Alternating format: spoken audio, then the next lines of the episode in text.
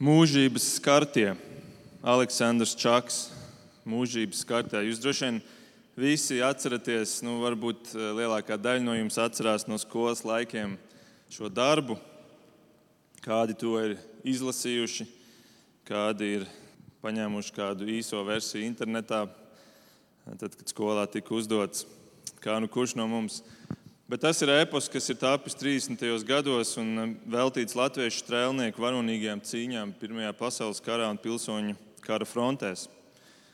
Un uh, šīs dzējas moto ir izteikts labi vienā astoņrindē, es nolasīšu to. Kāda milzīga gaismas strēle, mūžos vaļā pusparauts lokus. Tie ir latvieši, čukst visu mēlis telpā izplaukst jauns mirdzošs koks.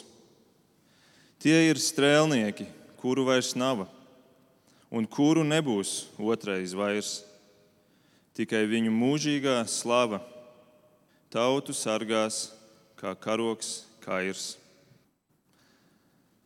Skaista astoņrinda. Šie mūžības skarte ir kā liels brīnums, kas ir iemūrēts mūsu tautas pamatos. Un eh, tas apbrīnojamais ir tas, ka šie vīri, šie bieži vien puiši, 11 gadīgie, tas, tas apbrīnojamais bija, kad viņos bija kāda apziņa cīnīties par kaut ko, kas vēl nav redzams. Viņiem bija skaidra identitātes apziņa, ka viņi ir latvieši, kamēr viņu valsts vispār nebija.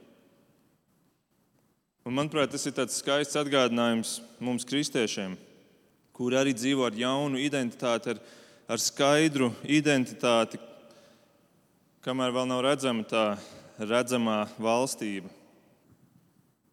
Es domāju, ja Aleksandrs Čaks rakstītu ēposu par mums, kristiešiem, nes kādu nosaukumu viņš dotu. Iespējams, tas nosaukums varētu būt taisnības skartie. Taisnības skartie. Jo mēs esam Dieva taisnības skartie, kuri reiz dzīvojuši netaisnībā, grēkā, verdzībā, kā latvieši simtiem gadu. Bet nu esam Dieva taisnībā pārvērsti ar, ar pavisam jaunu identitāti. Un tā nu šodien es vēlos uzdot jautājumu un mēģināt atbildēt uz šo jautājumu caur šodienas raksturvietu. Jautājumu, kā atzīt taisnības skartos? Kā atzīt taisnības skartos? Un es aicinu jūs atvērt romiešu vēstuli, Pāvila vēstuli romiešiem. Kā jau jūs zināt, mēs studējam cauri šai vēstulē, Svētdienas sēriju Dieva evaņģēlijas, kur Pāvils izklāja mums, kāds tad ir Dieva evaņģēlijas. Varbūt pretstatā daudziem cilvēku izdomātiem evaņģēliem. Kāds ir Dieva evaņģēlijas? Romiešiem 6. Un mēs lasīsim šodien diezgan garu daļu no 8. līdz 23. pantam. Tāpēc tas būs vairāk tāds varbūt, lidojums pāri šim tekstam, un es tāpēc esmu viņu arī sadalījis trīs daļās, lai būtu pārskatāmāk. Tie būs trīs i burti. Kā jau mēs zinām, mums patīk vārdi ar vienādiem burtiem. Šodien būs trīs i burti. Un eh, tad būs trīs pazīmes, pēc kā atzīt šos taisnības skartos. Un pirmā pazīme ir pēc viņu identitātes. Mēs pat varētu teikt, pēc viņu identitātes apziņas. Tātad taisnības skartos atpazīst pēc tā, ka viņi apzinās, ka viņiem ir jauna, skaidra identitāte. Kā šie mūžības skartie Tāpat arī šie taisnības skartie apzinās, kas viņi ir. Viņi zina, par ko cīnīties. Un tā nu Pāvils sāk šo visu tekstu ar tādu ļoti interesantu īsu ievateikumu. Viņš saka, ja esam miruši līdz ar Kristu, ja esam miruši līdz ar Kristu, tad šī tāda pamatēze, visu tālāko domu viņš virzīs ar nosacījumu, ka ja jau mēs sakam, ka mēs esam miruši līdz ar Kristu, tad un tad mēs varam turpināt skatīties. Um, ja mēs sakam šorīt, ka nē, mēs neesam miruši līdz ar Kristu, tad mēs principā varam neklausīties tālāk un varam domāt par citiem jautājumiem. Bet ja mēs sakam, ka mēs esam miruši līdz ar Kristu, tad kas notiek tālāk? Izlasīsim līdz 11. pantam. Ja esam miruši līdz ar Kristu, mēs ticam, ka arī dzīvosim līdz ar viņu. Zinādam, ka no mirušiem augšām celtais Kristus vairs nemirs. Vairs nemirs. Nāve vairs nevalda pār viņu, jo mirdams viņš reiz par visām reizēm ir nomiris grēkam, bet dzīvodams viņš dzīvo dievam. Tā uzskatiet arī jūs sevi kā mirušus grēkam, bet dzīvus Dievam Jēzu Kristu. Tad tā svarīgā doma, lai jūs vispār varētu nu, šo, šo visu tekstu pavērst pret sevi, ir, ka jūs apzināties, ka jūs esat miruši līdz ar Kristu. Tā ir reāla garīga nāve. Es domāju, ka daudz cilvēki uzauga ar, daudz kristiešu uzauga ar tā domu, ka jā, Jēzus ir miris par mani. Jēzus bija tas, kurš nomira. Bet Pāvils šeit parāda, ka nē, nē, ne tikai Jēzus. Arī tu esi miris līdz ar viņu. Arī tev tā ir reāla, garīga, reāla nāve. Un eh, Pāvils šeit varēja lietot visādus vārdus. Viņš varēja lietot vārdu, ka tu esi garīgi paguris, tu esi garīgi apslimis, tu esi garīgi ievainots, Bet viņš saka, nē, tu esi garīgi miris, reāla nāve. Pāvils lieto vārdu nāve, jo viņš domā vārdu nāve. Tas ir tā, kā mēs lasījām ievadā, Reins lasīja šo, šo fantastisko raksturvietu, tik, tik spēcīgo raksturvietu no Ecehijā 37, kur, kur nu, tie tiešām bija miruši cilvēki. Nu, tur kauli bija sadalīti, viņi pat nebija kopā, tur viņi bija sakaltuši. Mēs varētu teikt, ka kauli ir jau skaidrs, ja mēs dzirdam vārdu kauli, bet tur vēl ir uzsvērts sakaltuši kauli. Tāds ir cilvēks garīgi. Tādi mēs esam bijuši miruši. Un tad Pāvils to pasakā, ja mēs apzināmies, ka mēs esam miruši līdz ar Kristu. Taisnības kārtais tātad saprot, ka viņš ne tikai ir tas, par kuru Jēzus ir miris, bet arī es pats esmu miris. Un, un tepat varētu teikt, mēs jau bijām garīgi miruši, bet vēl papildus tam mēs vēlreiz nomirām kopā ar Kristu. Tātad tā ir kaut kāda dubulta nāve. Tas ir kā nāve reiz nāve ir dzīvība. Tā kā sareizinot matemātikai divus negatīvus skaitļus, tev sanāk pozitīvs skaitlis. Tu esi bijis miris, reāli garīgi miris. Bet, ja jau tu esi nomiris līdz ar Kristu, tad Pāvils saka, ka tagad arī dzīvo līdz ar viņu, tikpat reāli. Šodien pārāk daudz kristiešu domā, ka Jēzus darbs tas ir tas viņa darbs, un varbūt mans dzīves beigās tur debesīs pie debesu vārtiem, kad Pēters vai Pāvils vai kurš tur atvērs tos vārtus, tad tas stāsies spēkā uz mani. Tas īsti neskar man šodien, tas skars mani tur debesīs. Un tādēļ viņi arī nedzīvo pa īstam līdz ar Kristu. Tā ir kā tāda lēta žēlastība, tik zem nolaista šī Kristus taisnošanas cena. Bet atbildi ir nē, Dieva taisnības kārtē apzināsies, ka nāve ir bijusi reāla sastāvdaļa viņa dzīvē, pagātnē. Un tāpat kā Ecehēla 3.7. tā izkautušo kaulu ielai, šis brīnumainais darbs ir noticis, kad Dievs runāja savu vārdu un tur radās dzīvība. Šie kauli paši neizlēma savienoties. Šie cilvēki, kuri bija sadalīti daudzos kaulos, neizlēma paši kļūt vienā brīdī dzīvi. To izdarīja Dievs. Suverēns, vispēcīgs Dievs izrunāja dzīvības vārdus un ierunāja dzīvību viņos. Un tā ir ar šiem taisnības kārtiem. Viņiem ticība Kristum nav tikai tāds pagātnes intelektuāls lēmums, kāda izvēle, ko viņi ir izdarījuši pēc savas labās gribas. Nē, tā ir reāla nāve, no kuras Kristus augšām cēlis mūžīgai dzīvībai, kura ir sākusies jau šajā dzīvē. Un šajā jaunajā dzīvībā, šajā jaunajā identitātē, nu, taisnības kārtais staigā kopā ar Kristu. Un viņš tā staigā ar viņu, ka Kristus spēks ir viņā. Ja viņiem būtu jāiet cauri kādiem garīgiem ūdeņiem, tad viņi negrimtu. Tāpat kā Kristus varēja iet pa ūdens virsmu, šie Šie dieva taisnotie spēja Kristus spēkā iet un nenogrimt vairs grēkā, negrimt grēka dzīvēs, nenoslīgt vairs pazušanā. Un tas mūs aizved pie otrās pazīmes. Tātad taisnības skatos atpazīst pēc tā, ka viņi apzinās savu identitāti. Bet viņiem ir vēl kāda pazīme, un tā ir, ka viņiem ir jauni ieroči. Jauni ieroči.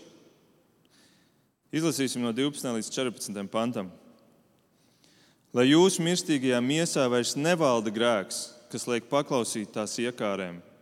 Neatdodiet savus locekļus grēkam par netaisnības ieročiem, bet nododiet sevi Dievam kā tādus, kas no mirušiem darīti dzīvi, un savus locekļus dodiet par taisnības ieročiem Dievam.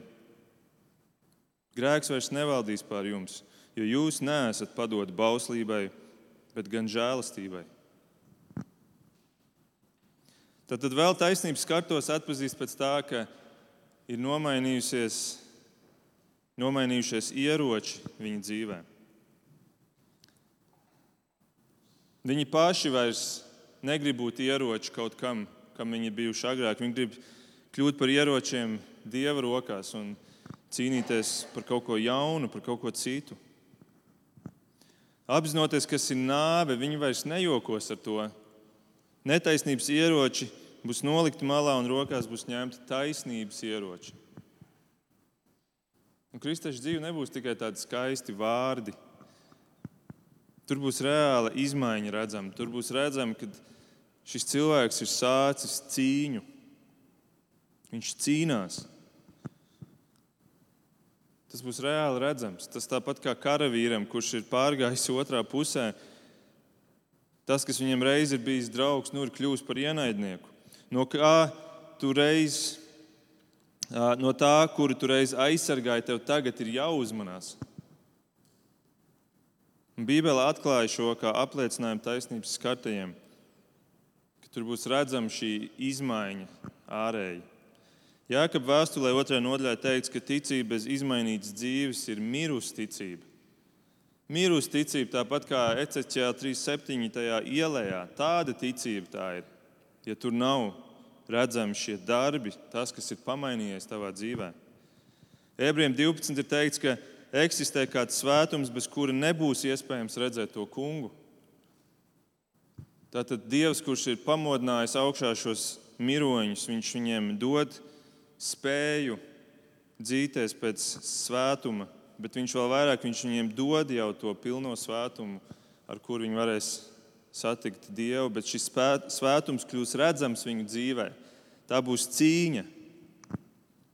Matei 7. jēzus brīdināja, ka daudz viņam pēdējā dienā teiks, Kungs, kungs, bet viņš viņiem atbildēs, bet es jūs nekad neesmu pazinis, jo jūs neesat darījuši to, ko es no jums prasīju. Jūsu dzīve nav parādījusi izmaiņas, jūsu vārdi bija skaisti, bet jūsu dzīve neparādīja, ka tu tagad esi nomainījis fronti. Un šodien Pāvils šajā tekstā jautā, kā tu vari joprojām nesēt netaisnības ieročus, ja Kristus tevi ir pārvedis uz taisnības fronti? Tu tagad esi taisnības skartais, kā tu vari staigāt ar šiem netaisnības ieročiem? Tu tagad esi otrā pusē. Tu esi taisnības skarto pusē. Tu esi to pusē, kur nesā nāves zīme un Kristus asins uz sevis. Asins, kuras ir izlietas par grēku, un grēks ir netaisnība. Kādēļ tu ar to grēku, ar to netaisnību joprojām esi draugos?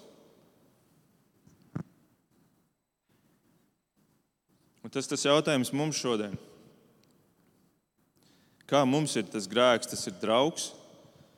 Varbūt tas nav draugs, mēs teiksim, mēs esam diezgan labi kristieši, bet vai viņš ir tavs ienaidnieks?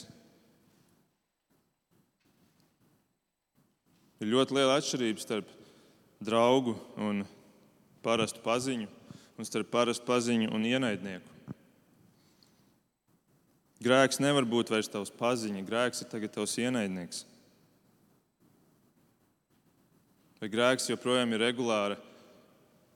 Sastāvdaļa tavā dzīvē, regulārs ciemiņš tavā dzīvē? Vai grēks vai šī netaisnība ir joprojām kā regulārs viesis tavā mājā?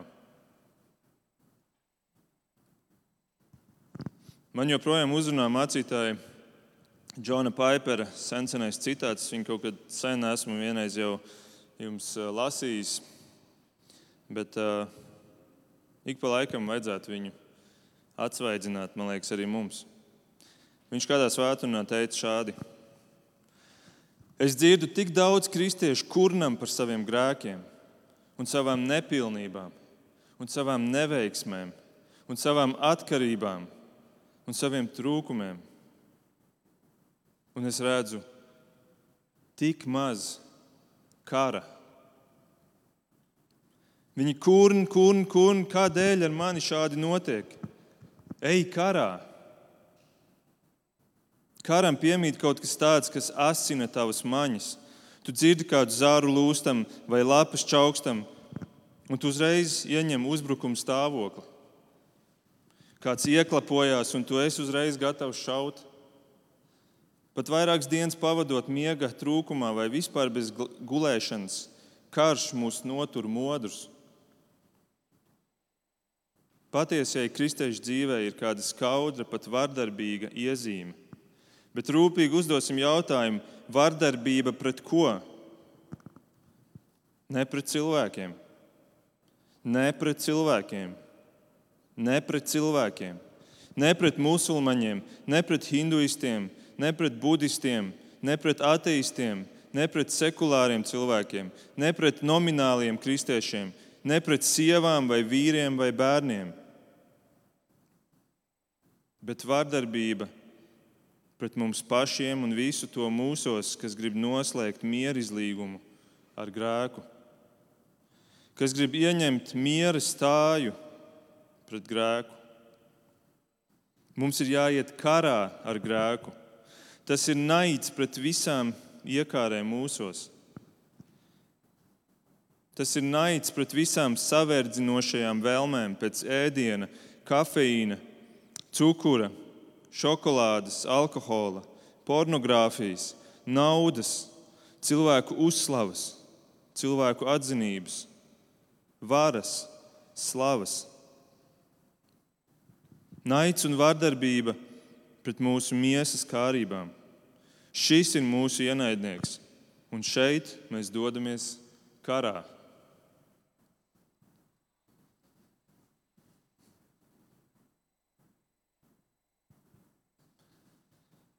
Es domāju, Džons Paipers mēģina izteikt to pašu, ko Pāvils šodien saka. Kā tu vari nesāt tos netaisnības ieročus? Tavā miesā pernētais grēks ir tavs ienaidnieks svētapšanā. Vai tu esi karā ar to? Vai tu turi ieroci rokās?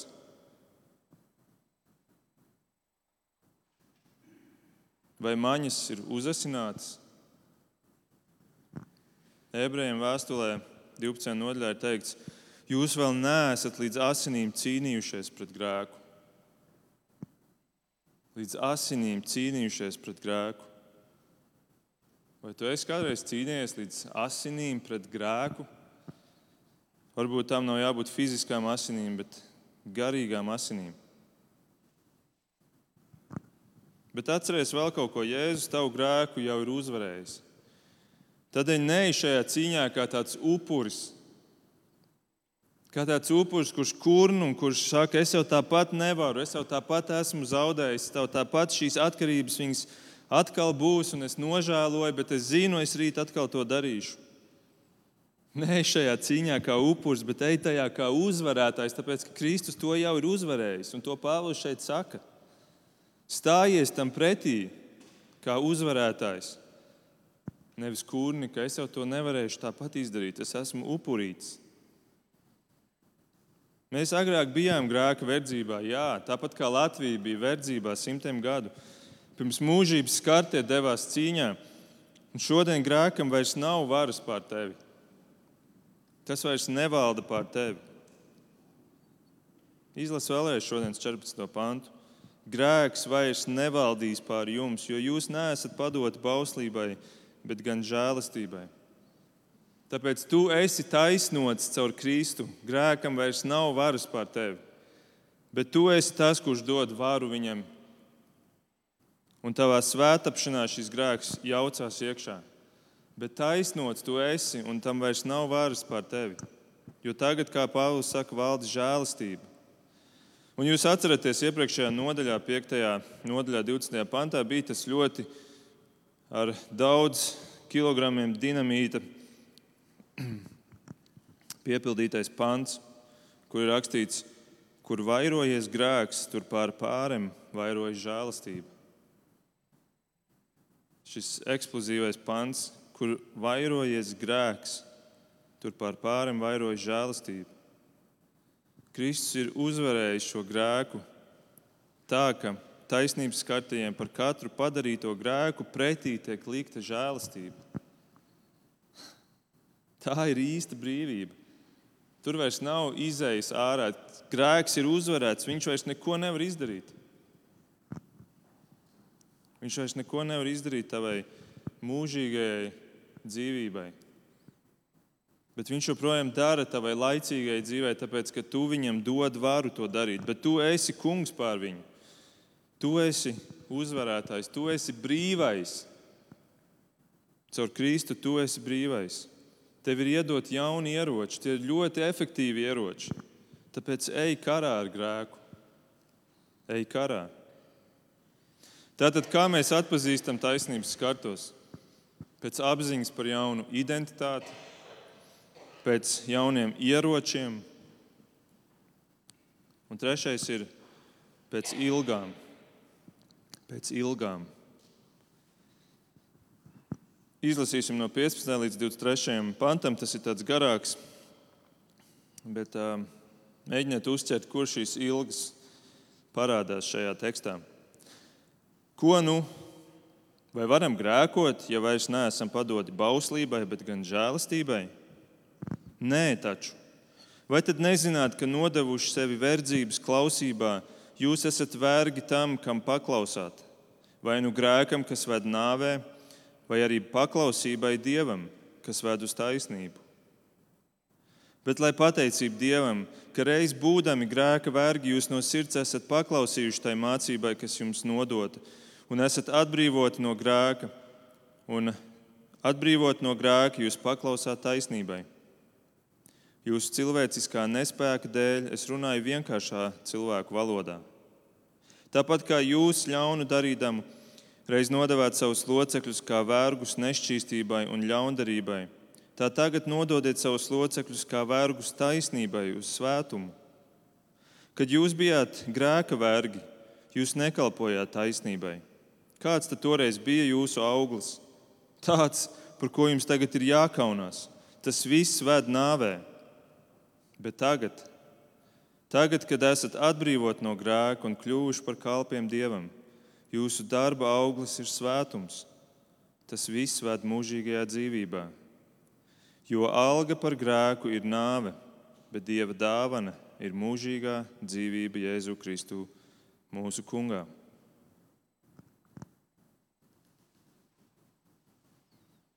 Pāvils šo visu daļu sāka šo retorisko jautājumu, kur mēs jau esam dzirdējuši ne, šajā vēstulē. Viņš saka, nu ko, nu, tad sanāk, ka mēs varam grēkot, ja vairs neesam padot bauslībai, bet gan žēlastībai.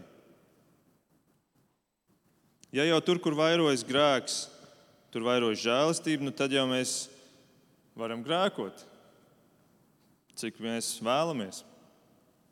Jo mēs tikko dzirdējām, Pāvila un arī Markus to teica, ka grēks vairs neko nevar izdarīt. Šādu jautājumu varētu uzdot ortodoksālie jūdu, jūdi to dienu un arī šodien. Šādu jautājumu par to, nu tad jau šī visa žēlastība ir tāda, ka mēs varam vienkārši grēkot, cik mēs gribam. Bet, ziniet, diemžēl šādu jautājumu ne tikai uzdot, bet arī ar šādu attieksmi dzīvo šodien daudzi kristieši. Miesīgie kristieši, tā mēs viņus varētu saukt. Ar šādu attieksmi, ja jau grēkam vairs nav varas, ja jau Jēzus nomirs par maniem grēkiem, tad jau grēkam vairs nav nozīmes. Tad nav nozīmes, vai es grēkoju vai nē, cik es grēkoju, cik bieži, ar ko es grēkoju. Mana sekošana Jēzum ir viena izvēle, kuras vienu reizi izdaru. Bet man patiesībā neinteresē tas, ko Jēzus māca, ko viņš sagaida no manis. Man interesē, ka man ir apsolīta glābšana. Un tad, nu, tā es arī varu dzīvot. Tad es varu nelasīt Bībeli. Man īstenībā neinteresē lasīt Bībeli. Man neinteresē īsti, kas tur ir rakstīts. Man neinteresē to grūto mācību, tur mēģināt izprast. Teoloģija man ir baisa vārds. Tas ir domāts tikai kādiem, kuri ir savu dzīvi šai nozarei atveltījuši.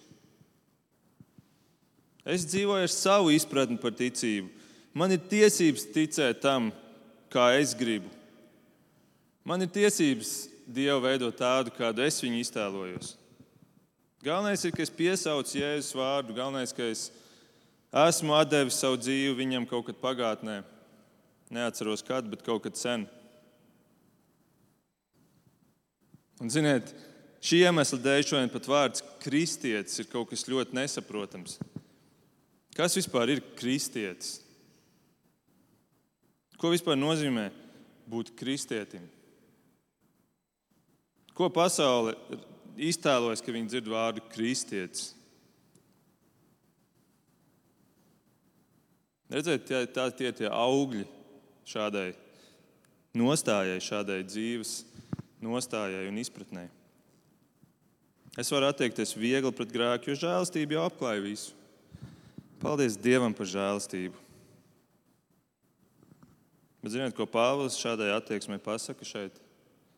Viņš pasaka ļoti asu nē. Viņš saka, nē, taču. Un latvieši ir tādi mazliet eh, bremzīgi šo iztulkojuši. Tas īstais grieķu teksts, tulkojums būtu tāds, lai nekad tā nenotiek.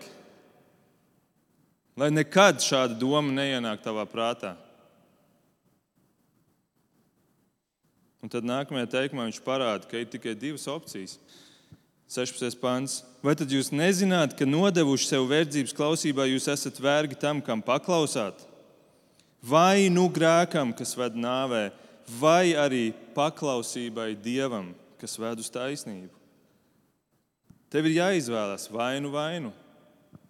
Tu nevari dzīvot abās pusēs. Tu nevari dzīvot ar grēku un teikt, ka es esmu Dieva bērns. Otra opcija ir paklausība Dievam. Paklausība Dievam. Un paklausība radās no gribas. Paklausība radās no vēlmes, paklausība radās no ilgām darīt to gribu, kuru mans jaunais kungs man ir pieprasījis, pavēlējis, parādījis. Un tā nu taisnības skatījumiem ir pārdabiski izmainījusies šī vēlme, šī griba, šīs ilgas. Kamēr cilvēks ir garīgi miris, kā izkautuši, izkautuši kauli ielā, tikmēr tur nav nekādu ilgu, tur nav nekādas gribas. Tu vari iet garām, tu vari teikt, hei, draugs, celies, rekur divus kilometrus uz ziemeļiem ir, ir slimnīca, un tur ir viņiem tādi aparāti, tādi metāla aparāti, kurus pieliks pie krūtīm, un tev dzīvība būs atpakaļ. Nāc, celies, ejam! Bet kāda būs atbilde? Nāvējošs klusums. Kur ir miris cilvēks, tur nav gribas, tur nav ilgu pēc paklausības. Un tagad pagriežam to pretēji, kur nav ilgu pēc paklausības, tur ir kāds cilvēks, miris cilvēks. Bet tur, kur Kristus pieceļ no nāves un dara dzīvu, tur ir grība, tur ir ilgas paklausības paklausīt, un taisnības skartais gribēs dzīvot taisnībā. Taisnības skartais gribēs saprast savu kunga gribu. Taisnības skartais gribēs paklausīt šai sava kunga gribai. Taisnības skartais atvērs Bībeli un izlasīs tajā, ka tur ir teikts, ka aprunāt ir grēks, un nākamajā reizē, kad kāds vai viņš pats aprunās kādu, viņam te iekšā šeit kaut kas sāks degt, Jā, viņš to varbūt turpinās vēl kādu laiku darīt, un, un varbūt visu savu dzīvi, bet tas degs viņam šeit iekšā, un viņš gribēs to mainīt, un viņš gribēs to nožēlot. Taisnības kārtēs izlasīs Bībelē, ka zakt ir grēks, un viņš gribēs mainīt savu dzīvi. Viņš gribēs sākt maksāt nodokļus, jo viņš saprot, ka kas tā ir par liekulību, ka zakt no veikala ir kaut kas cits nekā zakt elektroniski vai, vai zakt no valsts nodokļus.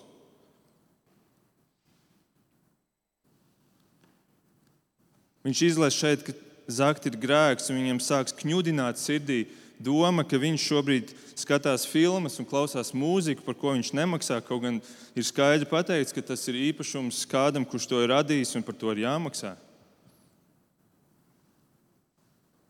Viņš izlasīja šeit, ka te ir rakstīts, ka zakt ir grēks, un viņam neliks vairs mieru tā doma, ka viņš skatās Netflix vai klausās Spotify mūziku ar kaut kādiem abonementiem, kurus, ir, kurus viņš ir paņēmis no draugiem, par ko nemaksā.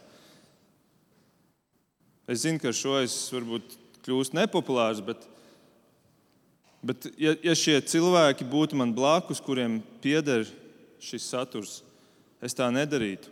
Tad kas tā ir par liekulību, ja tāpēc, ka viņi nav man blakus, es tagad to varu darīt? Taisnības kartēm tas neliks mieru šie jautājumi. Taisnības kartēs izlasīs Bībelē, ka kopdzīve ir domāta laulībai, un viņš gribēs mainīt savu dzīvi. Viņš vairs negribēs dzīvot kopā ar savu draugu, kamēr viņš nav apprecējies. Viņš gribēs apprecēties ar viņu, viņš gribēs pildīt to gribu, kuru viņas, viņa kungs ir devis. Taisnības kartēs izlasīs Bībelē, ka homoseksuāls dzīvesveids ir grēks. Un viņš gribēs mainīt, pat ja viņam sajūta saka kaut ko citu. Viņš būs gatavs mainīt savas sajūtas pret to, ko, ko šis taisnais Dievs rāda kā patiesību un kā to, kas viņam ir visvairāk vajadzīgs šim cilvēkam. Taisnības kartēs izlasīs Bībelē, ka Pāvils saka, ka sievietei nav atļauts būt mācītājai, viņš gribēs paklausīt, pat ja līdz galam nesaprot visus iemeslus. Bet mēs varam uzdot jautājumu, kā ir kontrastam Ko dara taisnības neskartie, kritušie cilvēki? Viņi izlasa Bībelē, ka sievietei nav atļauts būt mācītājai. Ko viņi dara? Viņi sāk apšaubīt to. Viņi sāk meklēt kādus attaisnojumus, viņi sāk meklēt kādus interpretāciju līkločus. Kritušais cilvēks izlasa Bībelē, ka homoseksuāls dzīvesveids ir grēks. Ko viņš dara? Viņš sāk apšaubīt to. Viņš sāk meklēt atkal veidus, kā piesieties vārdiem. Kritušais cilvēks izlasa Bībelē, ka dzīvot kopā neprecētiem ir pret dieva gribu. Ko viņš dara? Viņš apšauba to. Viņš negrib pieņemt šo, jo tas ietekmē viņa dzīvi. Kristušais cilvēks izlasa Bībelē, ka zakt ir grēks, bet viņam ir tik ērti vakarā ieslēgt savu Netflix vai uzlikt Spotify, un viņš meklēs attaisnojumus. Tāpēc, ka neviens jau to neredz. Kāpēc man būtu jāmainās?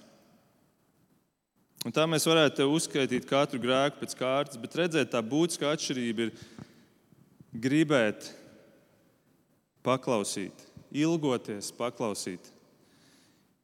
Ilgas pēc tā, ka es gribu darīt to, ko Svētais gars šeit ir uzrakstījis. Tas svētais gars, par kuru es saku, viņš dzīvo manī. Un tā otra puse šim kontrastam ir apšaubīta, meklēt iemeslus, nepaklausīt. Dieva vārda apšaubīšana ir vissanākais cilvēka grēks. Ādams un Ieva to darīja, apšaubīja Dieva vārdus. Un tā nu apšaubīšana, Dieva vārda apšaubīšana ir krituša cilvēka pazīme bet taisnības skatā pazīme ir ilgas pēc paklausības. Un paklausība tam radīs prieku. Tas nebūs tāds, ah, kāpēc te Bībelē tas ir rakstīts, man tas baigi nepatīk, un es negribu to darīt, bet nu labi, es to darīšu, tāpēc, ka tas tur ir rakstīts, un man jau tas ir jādara, tāpēc, ka Markus to saka.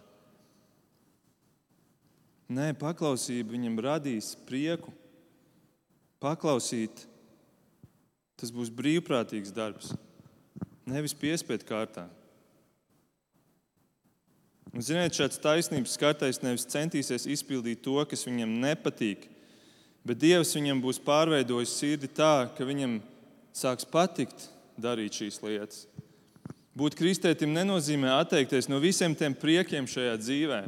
Nē, tas nozīmē to, ka Dievs tev izmaina tavu sirdi tā, ka darīt Dieva taisnību ir daudz lielāks prieks nekā tas, ko tev pasaule iepriekš varēja dot caur visām tām miesīgajām kārēm. Taisnības skatējs necentīsies tēlot to cilvēku, kurš viņš nav bet taisnības skatējs izdzīvos to savu identitāti, kurā viņš tagad dzīvo. Viņš ir atradzis savu identitāti, viņš ir beidzot atradzis to vietu, kurā viņš var teikt, es esmu kā zivs ūdenī.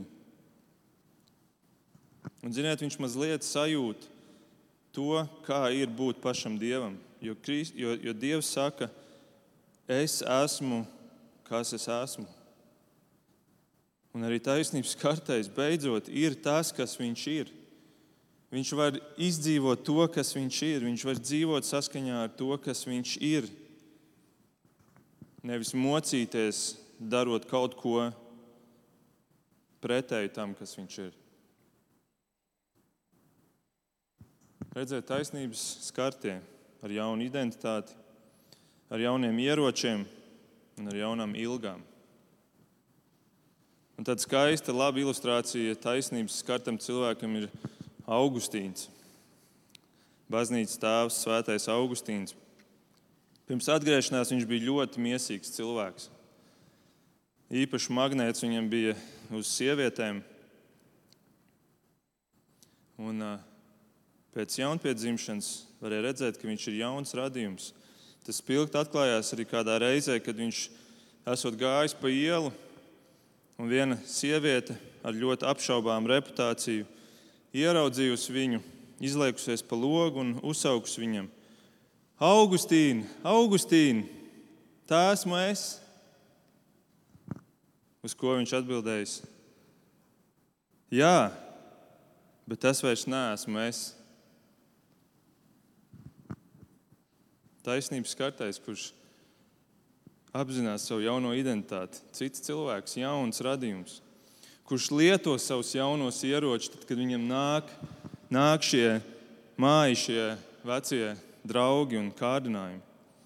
Un kurš dzīvo ilgās darīt taisnību, tāpēc ka viņš zina, ka ir lielāka bauda darīt taisnību nekā atgriezties tajās netaisnības darbos. Es varētu šeit beigt, bet es gribu tomēr noslēgt ar vienu fragment no no mūžības kartajiem. Tas fragments ir sprediķis Piņķu baznīcā.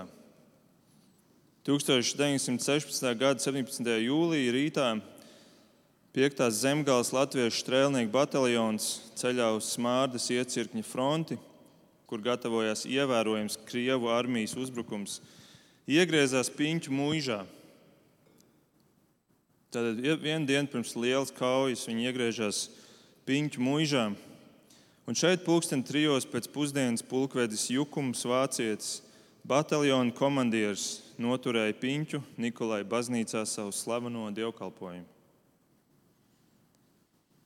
Un Čaks tad raksta šajā fragmentā, kā viņš kāpīja ar lēniem, smagiem soļiem augšā kancelē, šis virsnieks, pulkvedis. Un tad viņš tur nostājās kā rēks, nezinot, ko teikt savai kara draudzēji. Bet tad pēkšņi kaut kas notiek, viņā, viņā ieplūst tāds, tāds karstums. Un tā nu, es vēlos vienkārši nolasīt šī fragmenta noslēguma daļu. Man liekas, tas skaisti parāda tādu ilustrāciju visam tam, ko mēs šodien runājam. Tātad šī fragmenta beigu daļa. Spējais karstums, kas pār sirdi nācis, pasit galvu sāņis uz to vietu, kur virs altāra blāva svētā glezna. Un tad viņš jūt, stars kāds sadzeļ domas, pāršķeļ šaubas, īgnumu un sāpes, iemet stāvu bezgalības šūpās. Mirdzošs gaišums apņem viņu visu paceļ rokas pāri saules kausam, iedobi kājas līdz pat zemes sērdēji. Tagad viņš zina, ko teiks viņa kara draudzēji. Asins uz mēles to par vārdiem, stājas rindās, ceļas lielos pulkos. Zemgalieši, lūkojiet šo gleznu, svēto gleznu vēlvju iedobumā. Rāda viņš ar savu straupo pirkstu, balss kā bazūnes, kan biezos mūros. Kristus tur virs ūdeņiem kā smiltīm, iet un negrimst, tāpēc ka viņš tic sev, savam garam, darbam, ko viņš dara. Ticiet jūs un arī nenogrimsiet. Neatslīgsiet nebūtībā otrais, kur jau bijāt simtiem, simtiem gadu. Savam spēkam zemgalieši ticiet, savam naidam, savai izturībai, savām tiesībām un slēptai laimēji. Akmens, uz kā jūs stāvat, jūsu, katra puķa, ko jūs redzat, jūsu, koki, zāle, visa zeme, jūsu, debesis augšā, telpa apkārt, jūsu. Tā kā acis, plecs un cietā plauksta, sūrsme, ko jūs savā sirdīs jūtat, tikai ticiet, un šie mūri vēlves, un es pats ar visu sevi jūsu. Tikai ticiet, zemgaliešu vīri, tad arī nāve nebūs vairs par grūtu. No zemzemes jūsu tauta ceļas, tumsa lobās nost no viņas plakstiem, pirksti attirpst, ceļos rodas siltums, un uz lūpām elpa augā brīns. Irdnes druskas matos kļūst par gaismu, krūtis izdzer pasauli kā olu. Dēlnas, kur uz mūžiem bija gūlējis visu darbu, sarecējis smagums, tagad ceļas līdzi putniem saulē. No zem zemes jūsu tauta ceļas, bet bez asinīm tai neuzcelties, jūsu asinīm un jūsu kvēles. Tas ir zieds, kas viņas sirdi glabās.